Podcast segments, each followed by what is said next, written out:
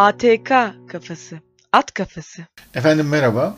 Yeni bir ATK kafası, at kafası programında beraberiz. 2021 yılının bu ilk bölümü. Bu bölümün konusu da şüphe. Daha doğrusu konu kuşku ile şüphe arasındaki fark ama genelde programları tek bir kelimeyle adlandırdığım için ismi şüphe oldu. Duyarsız Entellik diye bir podcast var. Ben çok seviyor ve dinliyorum. Bunun son bölümünde Yalın Alpay ile İnsanın Özü denilen bir program yapıldı. Yalın Alpay konuktu. Podcast'in 5. dakikasında insanlığın yazı öncesi nasıl yaşadığını yani insanın özünü, insanın yaşama amacının nasıl olduğunu toplumsal arkeoloji e, yapanların bulabildiği ve o katmanların bu şekilde ortaya çıkabildiğinden bahsediyor ama bunun da teorik olduğunu, pratikte aslında mümkün olmadığını, bunun mümkün olmadığı konusunda kuşkulu ve şüpheciyim diyor. Şimdi dinleyebilirsiniz podcast. Jean-Jacques Rousseau ve Hobbes tarafına bakıyor. Bir tanesinin devletçilik tarafı, bir tanesinin daha çok liber olmasından bahsediyor.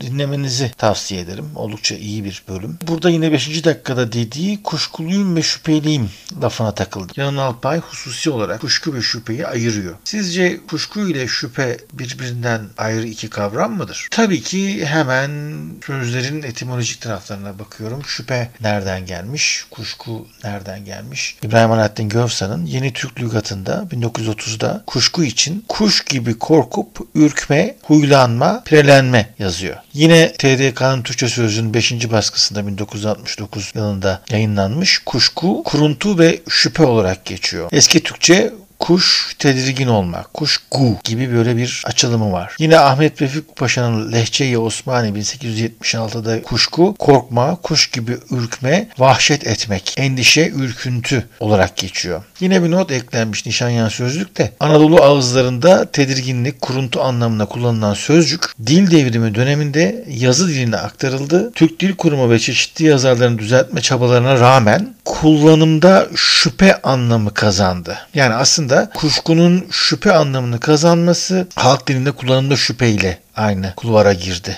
deniyor. Halk ağızlarında kullanılan köşüm, kuşum, kuşum, tedirginlik, huylanma sözcüklerinin kökü olan bir kuşmak fiiliyle bağı kurulabilir deniyor. Yani kuş uykusu kış değil, kuş uykusu deyimi üzerine duruluyor. Yani kuşkunun kuşla alakalı, kuş gibi korkmak, hemen fıcık bir hareketten korkup ürkmek, endişe duymak. Şüphe tabii çok daha farklı. Diyanet Vakfı'nın e, İslam Ansiklopedisine başvuruyoruz. Sözlükte benzemek ve benzerlik sebebiyle başka şeyle karışmak anlamındaki şbh kökünden türü yani şüphe, çoğulu şübuhat. Yani şüpheler içindeyim de, denmeyecek. Aslında şubuhat içindeyim denecek. Benzer ve denk olmak, birbirine benzemesinden dolayı iki şeyi birbirine karıştırmak, belirsizlik, karışıklık en sonunda kuşku gibi manalara gelir denmiş. Yani kelimenin dini literatüründeki özellikle fıkıh ve fıkıh usulünde şer'i bir hüküm, konu veya durumla ilgili keskin bilgi ve kanaate varamamaktan doğan tereddüt ve kararsızlığı ifade ettiği de söyleniyor. Yani fıkıh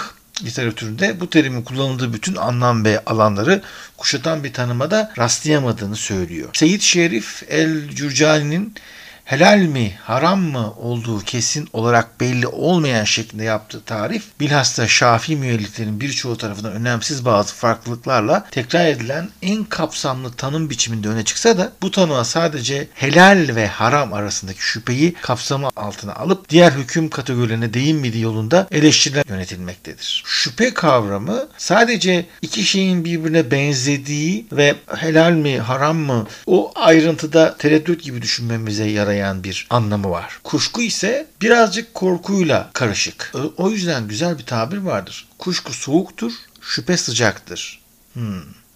Kuşku korkunun soğukluğunu içerir. Korku soğuk bir meseledir. Şüphe ise sıcaktır. Yani düşünürsünüz. Şüphe duyarım, duyuyorum. Şüphe etmektir. Şüphe duyulur, kuşkuya düşülür. Kuşku Türkçe, şüphe Arapça tam karşılığı var mı diye. Yani bakın aslında bilgi bölümünde bundan bahsedecektim. Ancak Türkçe'de bazı tabirler İngilizce'deki tabirlerle örtüşmüyor. Örneğin bilgi meselesi. Bilginin karşılığı information mıdır, knowledge mıdır? Şimdi information şudur. İş yerine gidersiniz, orada bir danışma vardır. Siz dersiniz ki şu şu şu isimli hukuk bürosu nerede? Avukata çıkacağım, avukatla konuşacağım. O da der ki işte dördüncü kata çık, oradan sola dön, ikinci kapı. Zaten tabelasını göreceksin der. İşte bu bir bilgidir. İşte buna information denir. Yani danışmadan danışarak aldığınız. Ama aslında avukata danışmaya gidiyorsunuz. Hukuk bürosuna gidip de şu konuda bir dava açacağım veya bana bir dava açıldı kendimi savunmam lazım veya şöyle olması lazım böyle olması lazım diye nasıl konuya gireceğinizi veya avukatla konuşurken ondan nasıl bilgi alacağınızı danışarak nasıl öğreneceğinizi görmekle knowledge. Kalkıp da danışmadaki adama ya avukatla nasıl konuşayım şöyle bir dava var bunun için avukata kaç para vereyim ya da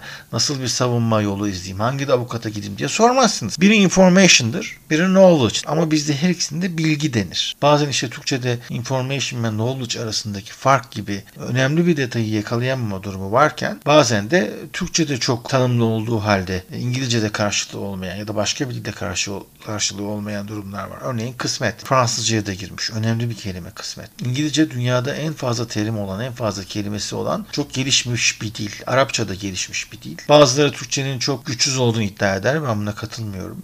Şimdi helal ile haramın karışması İslam fıkhındaki vehim, vem gibi yani zan, vem gibi farklı düzeydeki türlerine de e, referans veriyor olabilir. Kuşku ise biraz daha korkmakla yani bu işten biraz kuşkulandım dediğiniz zaman ya acaba kazıklanıyor muyuz? Sahtekarlar, üçkağıtçılar bizi kazıklıyor mu diye kuşkulanmaktır. Şüphe etmek ise birisi sizden bir şey çaldı diye şüphelenirsiniz. Yalan söylüyor diye şüphelenirsiniz. Kuşkulanmak biraz korkmayı da içerir. Daha çok kriminal olaylarda şüpheli derler ya bunu yapmaktan şüpheli olan. Suçsuzla suçlunun karışımı da şüphe, helal ve haram gibi. Şüphecilik ise çok daha farklı bir e, felsefi akımdır, felsefi tutumdur. Yine İslam Ansiklopedisi diyor ki şüphecilik varlık ve olayların gerçekliği ve niteliğiyle ilgili bilgilerin her zaman kuşkulu olacağını ileri süren akım.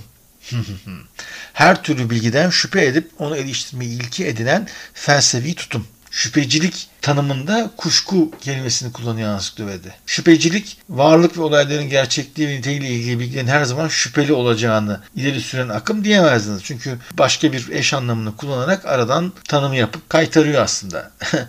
Ama tabii gerçeği her türlü bilgiden şüphe edip onu eleştirmeyi ilke edinen felsefi tutum olarak söylenmesi daha doğru. Mustafa Çağrıcı'nın müellifi olduğu bu maddede yine aynı şekilde devam eden bir başlangıç var. Bir kavram, olay veya nesnenin varlığı gibi, niteliği gibi, amacı gibi hususlarda içine düşülen tereddüt, kuşku ve sıkıntı hali İslami literatür, literatürde vesvese, zan, hisban, tevaffuk, hayret, tehayyür ve daha çok şüphe B ile reyb, sek kelimeleriyle ifade edilmektedir. Şüphe sözlüklerde elbise giyme, örtüye bürünme anlamındaki iltibas kelimesiyle açıklanır. Buna göre şüphe bir şeyin üzeri örtülü, kapalı olduğunda onun niteliğinin tam olarak anlaşılmaması demektir. Şüphe bir şeyin nitelik yönünden benzeri olan manasındaki şip, şebehe, şebeh veya şebih ile aynı kökten türeyip bir şeyi başka bir şeye benzediği için aralarında ayrım yapmanın ve onun hakkında bilgi edinmenin güçlüğü şüpheyi doğurur diye açıklama yapılır. Buna göre şüphe iki şeyin birbirinin benzemesinden dolayı ortaya çıkan kapalılık, belirsizlik, muğlaklık sebebiyle zihnin kesin ve açık bilgiye ulaşamaması halidir. Aynı kökten gelen te- teşabüh iki şey arasındaki ayrım yapmayı zorlaştıran benzeşme müteşabih. Teşbih de oradan geliyor zaten. Müteşabih ise özellikle tefsir usulünde başka bir ifadeye benzediği için yorumunu güçlük bulunan sözdür. İştibah, iltibaslı şüphedir. Yani Tebaşüh ve iltibas şüpheyi doğurur. İltibasa yol açan şeyler somut veya soyut olabilir. Maddi nesneler gibi kavramlar ve anlamlar konusunda şüpheye düşülebilir. Şimdi biraz kafa da karıştı. Şüphe konusu devreye girince daha başka hatta farklı tefsir usullerinde ortaya çıkan bazı gidip gelmeler söz konusu. Çünkü şebih kökü şebehe aslında birbirine benzeyen iki şeyi ayrıştırmakta düşülen bir durumdur. Şüpheye düşme. Şimdi şüphe ile kuşku arasında soğuk sıcak ilişkisi sinestezik bir ilişkidir. Kelimelerin soğuk sıcağı olmaz. Çok rahat diyebiliyoruz ki kuşku soğuktur. Belki de U var diye. U, U var diye. U, K, U var diye. Şüphecilikte ise hani Ü var, H var, I var. Şüpheci, şüphe. Daha ince olduğu için böyle bir sinestezik etkiye düşebiliyorsunuz. Bu iki kelimenin arasındaki nüans da önemli. Kutatku birlikte halal ol ya şüphe haram ol öni, kalı şüphe erse yime ket sakın. Yani diyor ki ya halaldir ya şüpheli veyahut haramdır. Şüpheli ise bundan çok sakın. Arapça şubha, şibhe, şebehe, belirsizlik, şabiha, teşbih gibi benzedi gibi idi demek. Ve bu maddeye gönderilen müşebahi, teşbih veya müşebbeh diye bölümler var. Anladık. Şüphe Arapça, kuşku Türkçe.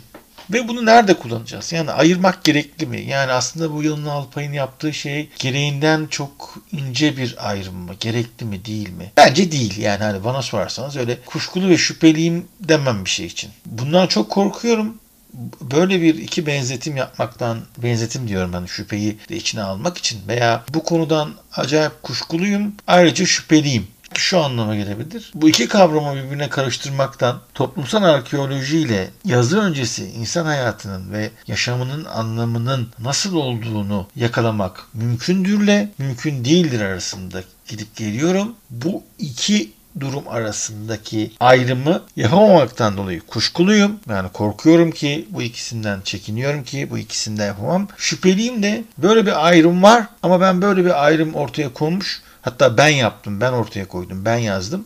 Ama bunun doğru olduğundan şüpheliyim. Yani böyle bir şüphe duyuyorum ki aslında ikisi birbirine çok girmiş. Toplumsal arkeoloji yapanlar bu konuda başarılı olamayabilirler ya da oldukları çok muğlak bir durum. Şimdi şüphe ve kuşku için bir de kattığımız bir şey var muğlak. Yani ben bunu şöyle anlıyorum, şöyle düşünüyorum. Örneğin beyin cerrahısınız ve bir hasta var. Hasta büyük acılar içerisinde. Mecburen onu ameliyat etmek zorundasınız. Beyin kanseri. Beyinde tanımlı bir uğur var. MR'lar çekildi. 3 boyutlu MR'lar. Bütün hepsi ortaya çıktı ve arkasından ameliyat edilmeye karar verildi. Başka türlü bir cevabı yok. Kafatası açıldı. Kafatası açmak da çok zor bir iştir. Artık yeni aletler var. Hatta TÜBİTAK'ın öyle bir kitabı yayınlanmıştı. Beynine hava değmeye görsün diye. Yani artık kafatasının açılıp beyin dokusunun havayla karşılaşması gibi bir durum. Beynin her bölgesinde farklı bir yetenek var ve sizin elinizde bir keskin bir bisturi var. Ur olan kısmı çıkarmak üzere görevlendirilmişsiniz. Düşünün. Gözle görülür mü, görülmez mi?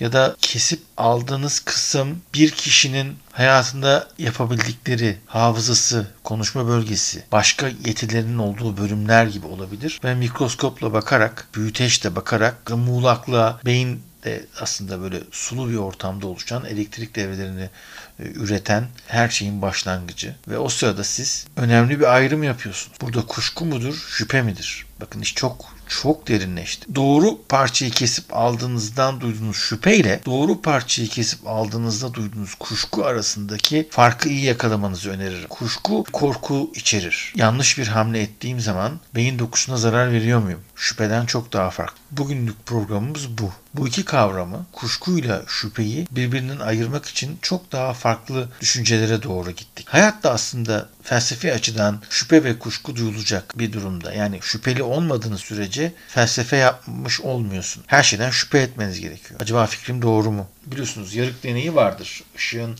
dalga ile mi yayıldığı yoksa parçacıkla yayıldığı konusunda ve bu sonuç tamamıyla gözlemciye bağlıdır. Gözlemci bakarken farklı olur başka türlü bakarken farklı olur. Bundan milyonlarca ışık yılı, yılı ötedeki bir patlama bize şimdi intikal ediyor. Yani aslında bu patlama milyonlarca yıl önce oldu. Milyar yıl önceki bu patlamadan çıkan ışık acaba parçacık olarak mı yayılıyordu yoksa dalga yoluyla mı yayılıyordu? Ve siz ona baktığınız zaman yani biz ona şimdi baktığımız zaman milyar yıl önce nasıl yayılacağına kendisi karar vermiş olan ışık hüzmesi bizim o anda baktığımıza göre mi durumunu değiştiriyor? İşte buradaki şüphe ve kuşkuya da dikkatinizi çekmek isterim. Acaba burada şüphelenmeli miyiz, kuşkulanmalı mıyız? Ben şöyle kuşkulanırdım. Ya milyar yıl önce gelmiş olan ışığa nasıl bakıyorum? Acaba doğru aparatla mı bakıyorum? O kuşkuyu duymak. Şüphe ise milyarlarca yıl önce olmuş bir olayın nasıl olduğunu, öyle mi ya da böyle mi olduğu arasındaki gizli kalmış, gizli kapaklı kalmış olayı çözmek. Ama biz sadece iki tane kelimenin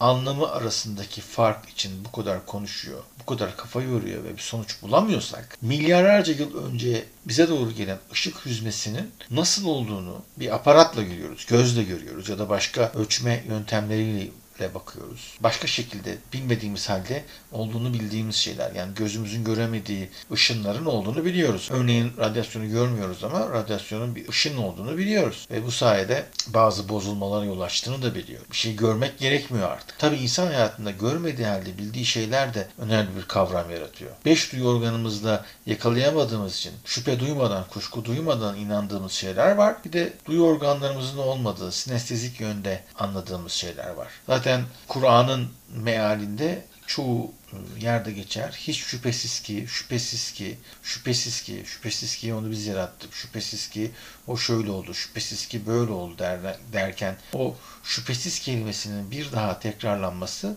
İslam fıkhında veya başka dinlerde şüphe duymayın. Allah'ın varlığından, bu dinden ya da başka bir yerden şüphe duymayın anlamında da kullanılır. Şüphe yok, şüphe yok, şüpheye gerek yok, panik yok der gibi. Ama şüpheyle kuşku çok ince baktığınız zaman birbirine ayrılan ama halk dilinde artık birbirine girmiş iki mesele. Duruma göre, şekle, şema ile göre farklı yerde kullanabilirsiniz.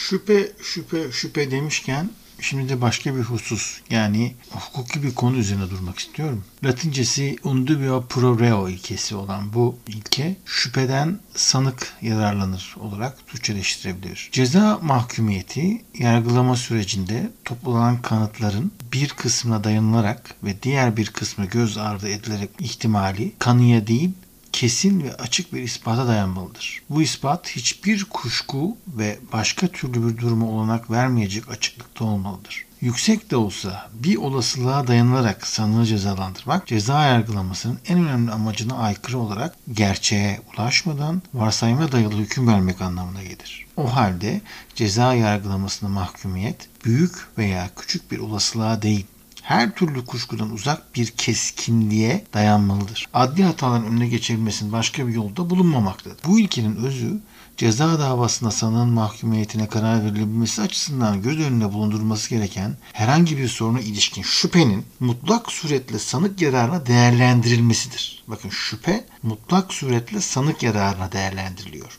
Oldukça geniş bir uygulama alanı bulunan bu kural dava konusu suçun işlenip işlenmediği, işlenmişse sanık tarafından işlenip işlenmediği ya da gerçekleştiriliş şekli hususunda herhangi bir şüphe belirtmesi halinde uygulanabileceği gibi suçun niteliğinin, vasfının belirlenmesi bakımından da geçerlidir. Şüpheden sanık yararlanır ilkesi aslında bireysel anlamda sanıkların yararı için değil, kamu yararı düşüncesiyle oluşturulmuş olup bir tek masumun mahkum olmasının yüzlerce suçlunun serbest kalmasından çok daha fazla kamu düzenini ve toplumsal huzuru bozacağı, kamu vicdanını zedeleyeceği kabulüne dayanmaktadır. Yani sanığın yüzde bir suçlu olduğunu kanıtlanması suçlu olmasına yeterli değil, yüzde 49 da değil, yüzde 51 de değil, hatta yüzde 99 suçlu olduğuna dair kanıt varsa yetersiz sayılmakta. Yani o işte yüzde bir şüphe bile sanığın masum sayılmasına yeterli olmakta. Yani şüpheden sanık kesinlikle faydalanıyor. Bu metni benim yazdığım Bilakis isimli bir kitaptan aynen size okudum. Bu kitap bir zamanlar Anadolu'da muhtar sahnesini irdeliyor. 86 sayfa. Google Play'de bedava erişilebilir. Google Play kitaplardan bedava erişilebilir. Bilakis Ahmet Duran Köksal diye aratırsanız muhakkak bulursunuz. Şüphe konusu açılmışken hukuki tarafı dikkate almamazlık olmazdı. Benim buradaki amacım şüpheden sanık yararlanır konusunu anlatmak. Yani ortalıkta ufacık bir şüphe dahi varsa bile yani sanığın bu suçu işlemediğine dair ufacık bir şüphe dahi varsa bile sanık bundan faydalanabiliyor. Başka bir kast var Beber kastı. Onu da kitapta konu ettim ama şüphe bu kadar da değerli bir husus aslında. Yani çok azıcık bir şüpheden dahi bile sanık faydalanabiliyor. Bu iki kelime arasındaki etimolojik tarafları düşünmek, bilmek, buna göre kafa patlatmak bile aslında çok güzel bir şey. O yüzden bu programda bu zamana kadar bana katlandığınız için ayrıca teşekkür ederim. 2021 yılının yani ikinci sezonun diğer programlarında görüşmek üzere iyi günler.